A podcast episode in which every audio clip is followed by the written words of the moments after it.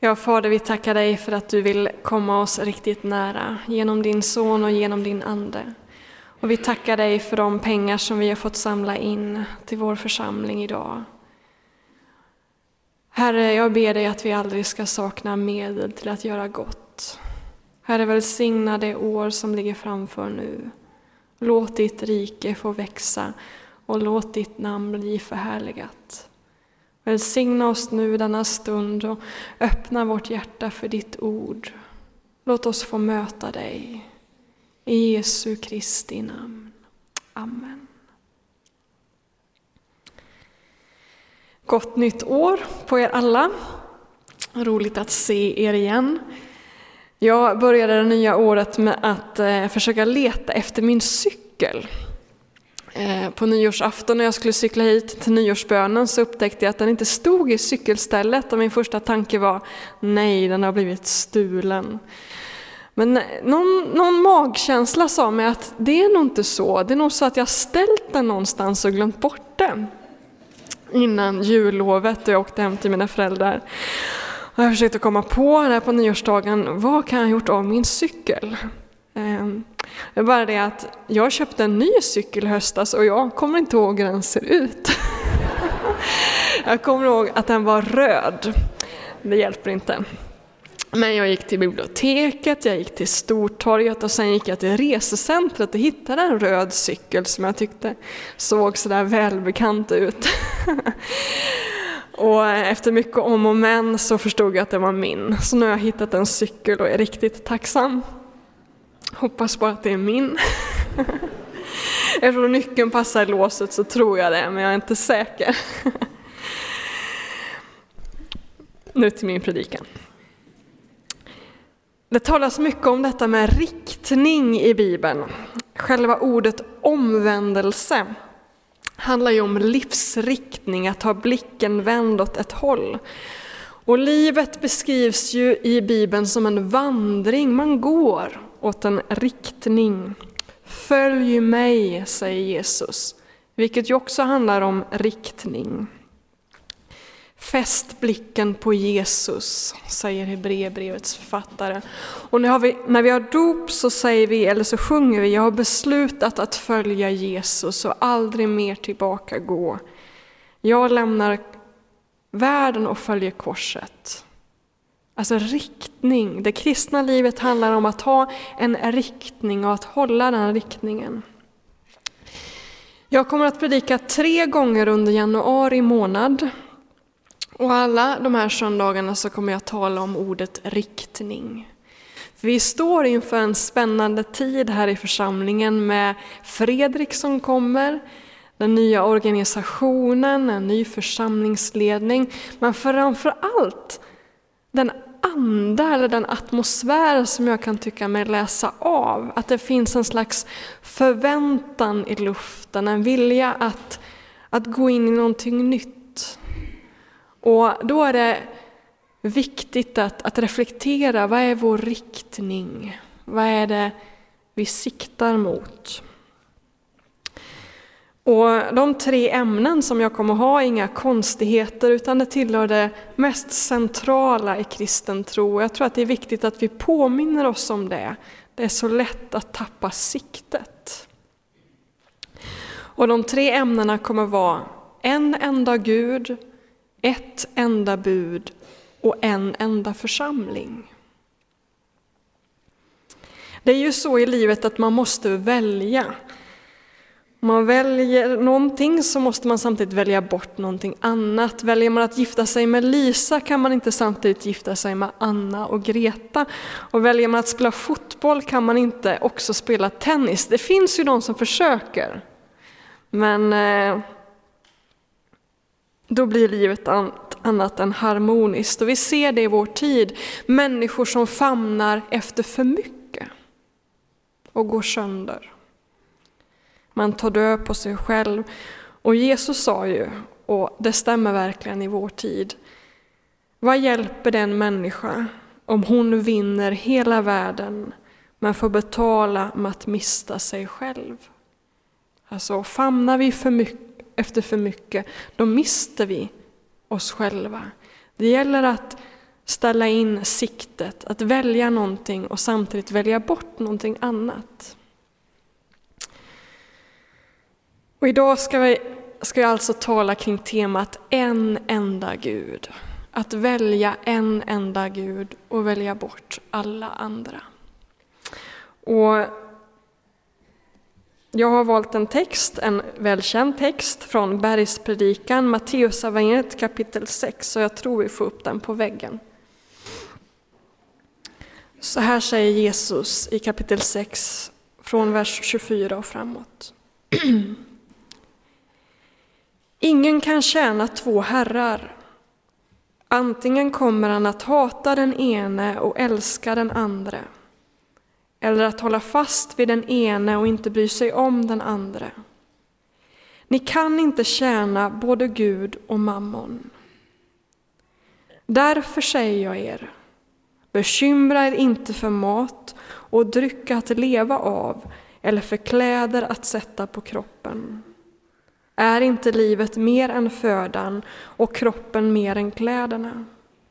Se på himlens fåglar. De sår inte, skördar inte och samlar inte i lador, men er himmelske fader föder dem. Är inte ni värda mycket mer än dem? Vem av er kan med sina bekymmer lägga en enda aln till sin livslängd? Och varför bekymrar ni er för kläder? Se på ängens liljor hur de växer. De arbetar inte och de spinner inte. Men jag säger er, inte en Salmo i all sin prakt var klädd som en av dem. Om nu Gud ger sådana kläder åt gräset på ängen, som idag finns till och imorgon stoppas i ugnen, skall han då inte ha kläder åt er, ni trosvaga. Gör er därför inga bekymmer och fråga inte vad ska vi äta, vad ska vi dricka, vad ska vi ta på oss? Allt sådant jagar hedningarna efter. Men er himmelske fader vet att ni behöver allt detta. Sök först hans rike och hans rättfärdighet, så ska ni få allt det andra också. Gör er därför inga bekymmer för morgondagen. Den får själv bära sina bekymmer. Var dag har nog av sin egen plåga.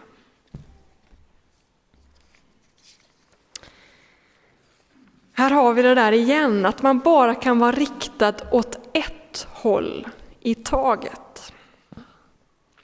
Man kan inte tjäna två herrar samtidigt. Man kan inte ha sin uppmärksamhet vänd åt två håll samtidigt. Jesus säger inte att man inte bör eller inte får tjäna två herrar. Han säger att det inte går. Man kan inte tjäna två herrar samtidigt. Man kan bara ha sitt ansikte vänt åt ett håll i taget. För vi har bara en enda Gud.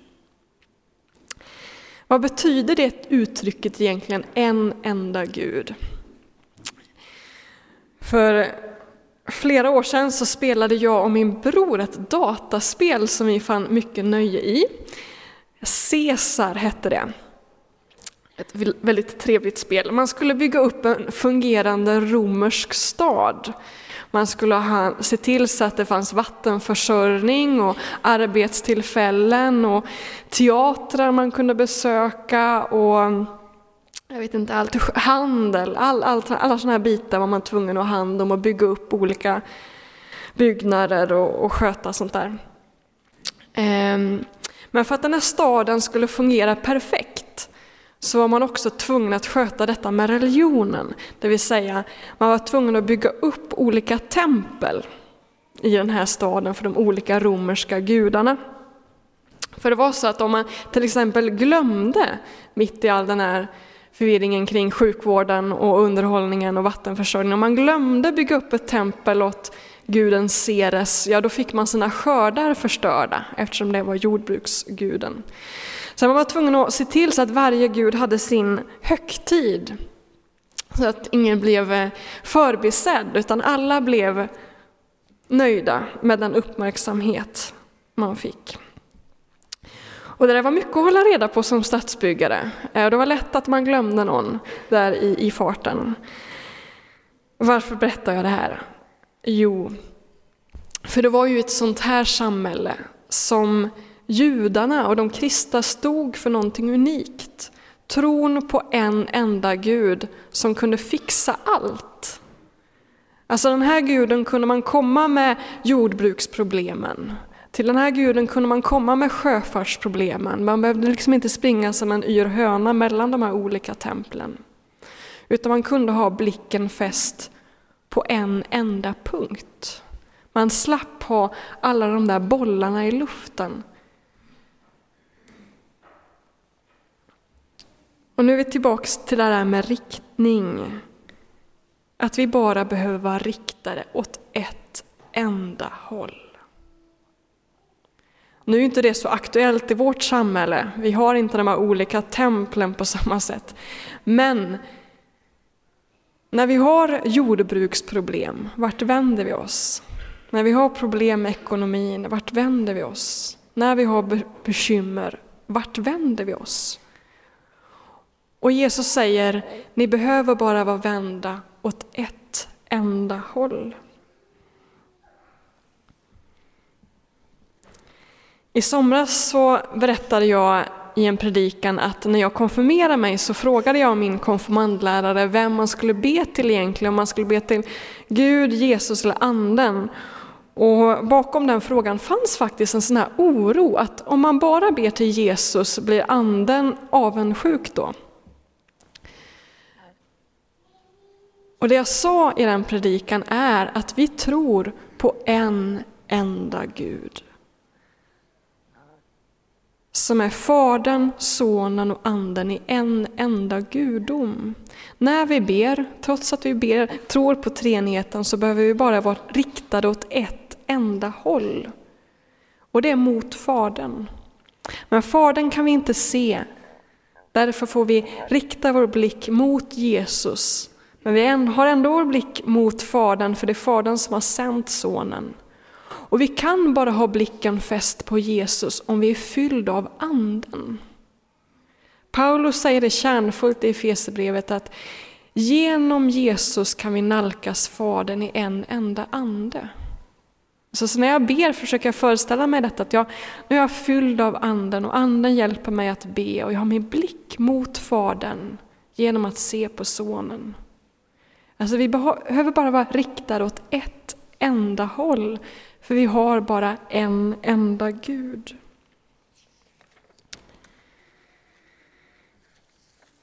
Tillbaks till den text som vi läste. Alltså, Jesus säger man kan inte tjäna två herrar. Man kan inte både tjäna Gud och mammon. Och mammon har ju för oss kommit att betyda pengar, men den har en vidare betydelse än så. Egentligen allt det materiella. Och efter att det står detta att, vi, att det inte går, att vi inte kan tjäna två herrar, så säger Jesus därför bekymra er inte. Och sådana där markörer ska man lägga märke till. Ord som därför, för att och men i bibeltexterna. För de hjälper oss att förstå logiken. Hur är, häng, vad är den röda tråden? Alltså, du kan inte tjäna två herrar, Därför bekymra dig inte. Oroa dig inte. Eftersom det bara finns en enda Gud och en enda källa till allt det goda. Den här tanken finns tydligt hos profeten Jesaja i slutet av den boken, från kapitel 40 och framåt. Där finns det en tanke som ständigt återkommer och det är att Gud är skapare av himmel och jord. Och det här budskapet är riktat åt Israels folk då de är deporterade, lever i Babylon, i den här främmande kulturen med alla de här templen. Så säger Gud, kom ihåg att det är jag som har skapat världen. Det är jag som har all makt. Jag kan göra vad jag vill. Därför, tro på mig, be till mig, sätt ett hopp till mig, bekymra er inte. Jag har skapat världen, jag är allsmäktig. Alltså, judarna blir i det här mångkulturella samhället påminda om att det bara finns en enda Gud, en enda skapare, en enda källa. Vi människor har inte skapat världen. Vi människor har inte så mycket makt. Vi är inte allsmäktiga, allsmäktiga. Men det är Gud. Gud är allsmäktig. Därför ska vi rikta vår blick mot honom. Därför måste vi ha vår blick fäst vid honom. För han är den enda källan till allt det goda. Vad är meningen med livet egentligen? Skapelseberättelsen berättar att människan är skapt till att leva i en lustgård. Människan skapades och sattes i Edens lustgård till att äta och njuta av alla frukter som fanns där. Utom av det trädet som fanns mitt i trädgården. Men så kom det en krypande orm och sa till människan att den här Gud, han är en riktig snåljåp som inte låter er njuta av frukterna i den här trädgården. Och då protesterar människan och säger att ja, men vi får ju faktiskt äta av alla träd här utom ett enda träd. Det kan ju knappast kallas för snålhet. Men så säger ormen att ja, ja, men Gud har förbjudit dig att äta av det där, det där trädet för att han vet att ni då kommer att bli som gudar. Och han är snål och han är girig och han är självisk och vill ha sin gudomlighet för sig själv. Det är därför han har förbjudit er att äta av trädet. Jaha, säger människan och går dit och äter. Och då människan inte kan ta ansvar för den här handlingen, då hon skyller ifrån sig, så förvisar Gud dem från den här trädgården. De får odla sin egen trädgård öster om Eden och det blir en tillvaro av slit och släp och mycket möda. Människan ville vara Gud och sköta allting själv. Och på ett sätt så fick hon ju det. Frågan är vad det var för slags tillvaro. Människan förmådde inte acceptera sin ställning som skapad varelse. Den är synd. Kan du bejaka faktumet att du är en skapad varelse? Eller vill du vara din egen lyckas smed? Vänder du dig mot mammon eller vänder du dig mot Gud för att ta emot? Meningen med livet är att ta emot Guds gåvor och att tacka honom. Meningen med livet är att låta sig älskas och älska tillbaka. Vi är inte skapta till att vara vår egen lyckas smed. Vi är skapta till att ta emot lyckan ur Guds hand. Det är när vi accepterar det som vi förverkligar oss själva för att tala nutidsspråk. När vi tar emot.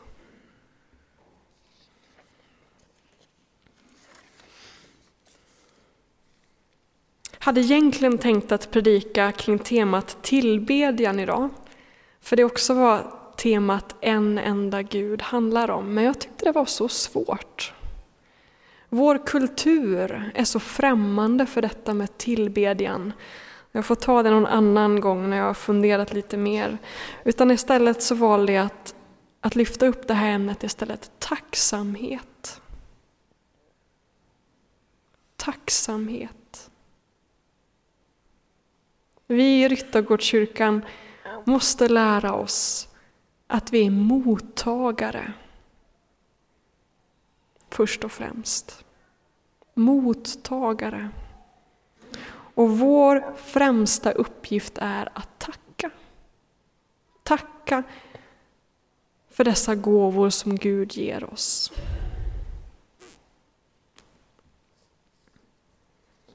Det är på det sättet vi missionerar, för det vi behöver signalera till den här världen är ju just detta. Att vi är skapade varelser.